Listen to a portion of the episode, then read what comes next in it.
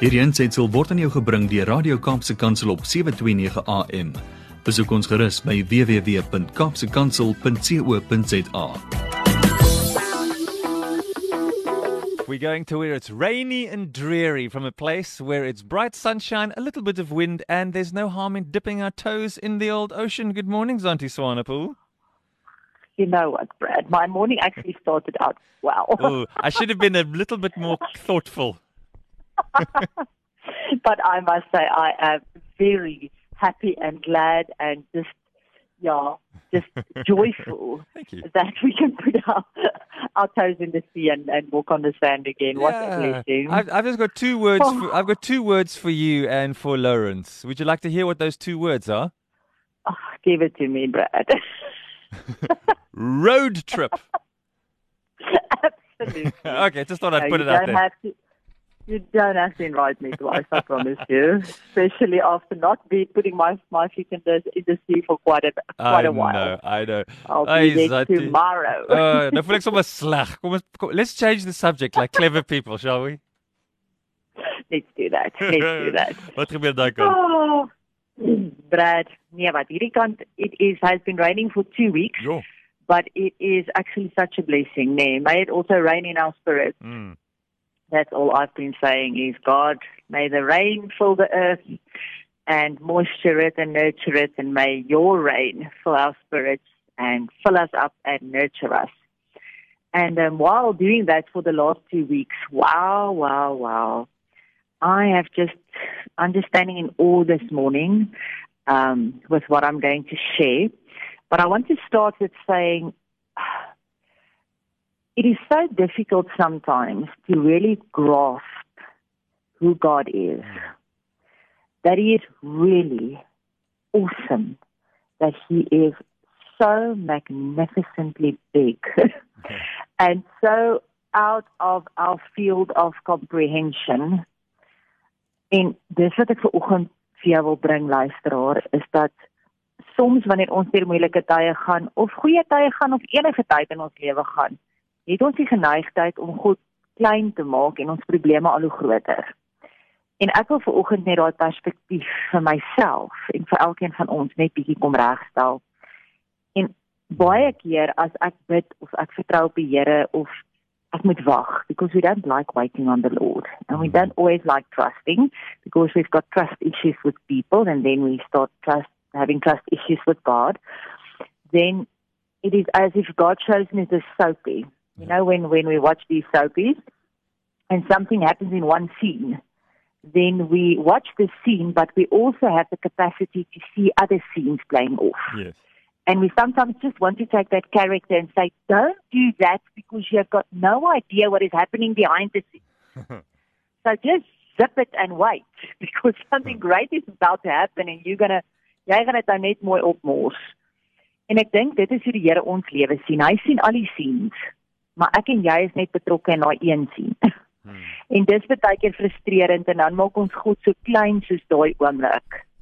En ek wil vandag vir jou sê in Jesaja 45 vers 15 staan daar in die New Message vertaling clearly you are a God who works behind the scenes God of Israel savior God in Job 34 verses 20 it says we know God is working behind the scenes weet ons ooit dit staan in die Bybel that we worship and we bow down and we are in control of a God that promises that he works behind the scenes. Mm. For ek en jy dit nie kan sien nie. Maar ons kan hom vertrou dat hy doen en ek wil vanoggend jou los met 'n storie wat net hierdie realiteit in jou lewe kan kom vas anker. Mm. Dat wanneer jy God betwyfel, wanneer jy moeg vertrou is, wanneer jy net jou stukkie van die die die die wat kan ek sê die rolprent, Mm. jy sien net jou gedeelte raak. Dan moet jy vandag weet dat jy weet dat jy weet. God is the director of the movie. Ja. And he is working behind the scenes. En hy sê dit in sy woord. I want to tell you the story of Marcel Sternberger, a nearly 50 year old native of Hungary living in New York, USA. Hy vertel die storie. On the morning of January the 10th, 1948, Sternberger boarded the 909 as usual. En route, he suddenly decided to visit Laszlo Victor, a Hungarian friend who lived in Brooklyn and was ill. Accordingly, the Ozone Park, Sternberger changed to the subway for Brooklyn, went to his friend's house and stayed until mid-afternoon. He then boarded the Manhattan-bound subway for his Fifth Avenue office. He says, the car was crowded and there seemed to be no chance of a seat. But just as I entered them, the man sitting by the door suddenly jumped up and left, and I slipped into the empty space. I've been living in New York long enough to know not to start any conversations with strangers. Mm. But being a photographer, I have a, this peculiar habit of studying people's faces. I was struck by the features of a passenger on my left.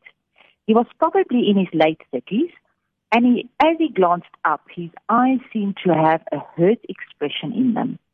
He was reading an Hungarian language newspaper, and something prompted me to say in Hungarian, I hope you don't mind if I glance at your paper. The man seemed to be surprised being addressed in his native language, mm. but he answered politely, You may read it now, I'll have time later on. During the 30 minute ride to town, we had quite a conversation. He said his name was Bela Paskin, a law student when World War II started. He had been put into a German labor battalion and mm. sent to the Ukraine. Later, he was captured by the Russians and put to work burying the German dead.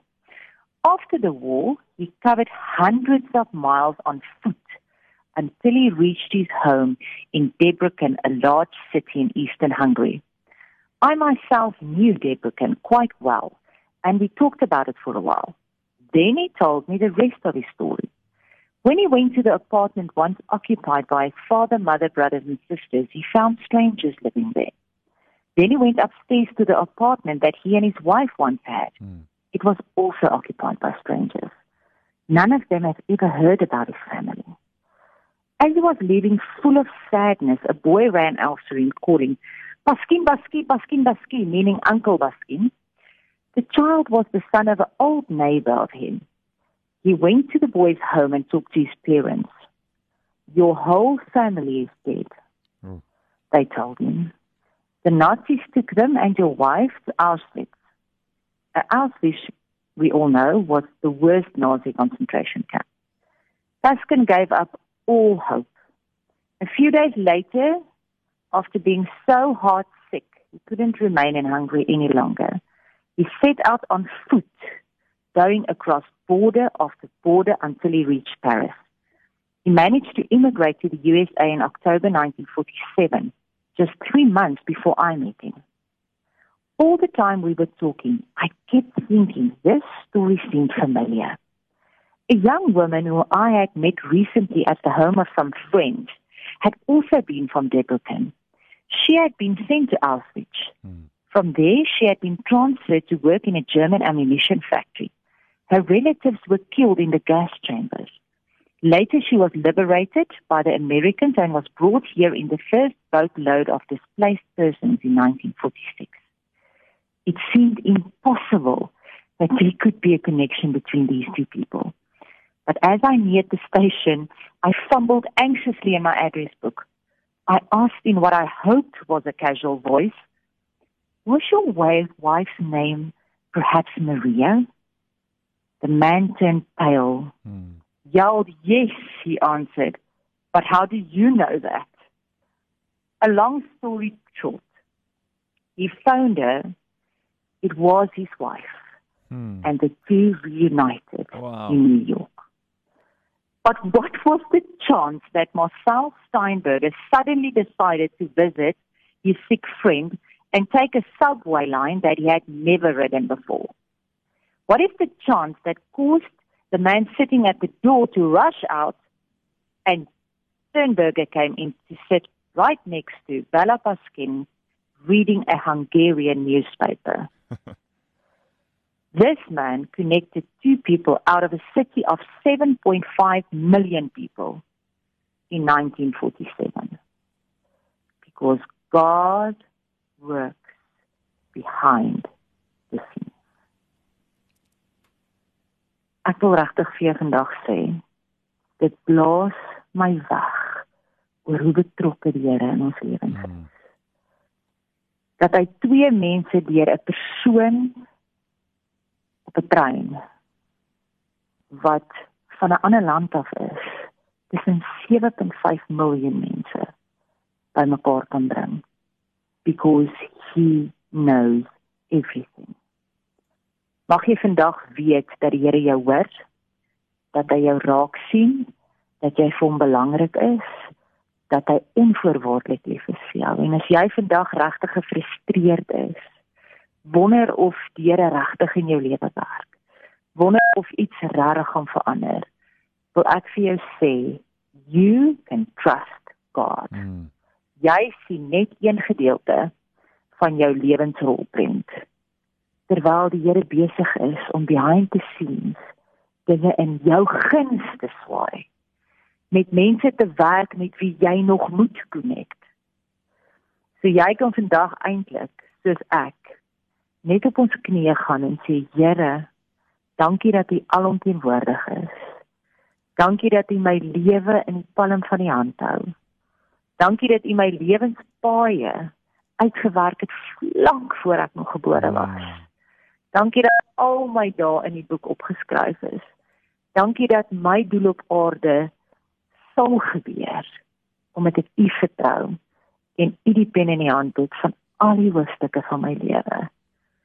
God, I pray for peace today. Amen. And just for a knowing that my purpose is in your hands and that you will play it out at the right time in the right scene with the right people because you are the director and the author of my life.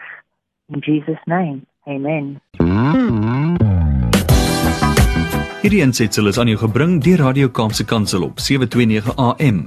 Besoek ons gerus op www.kaapsekansel.co.za.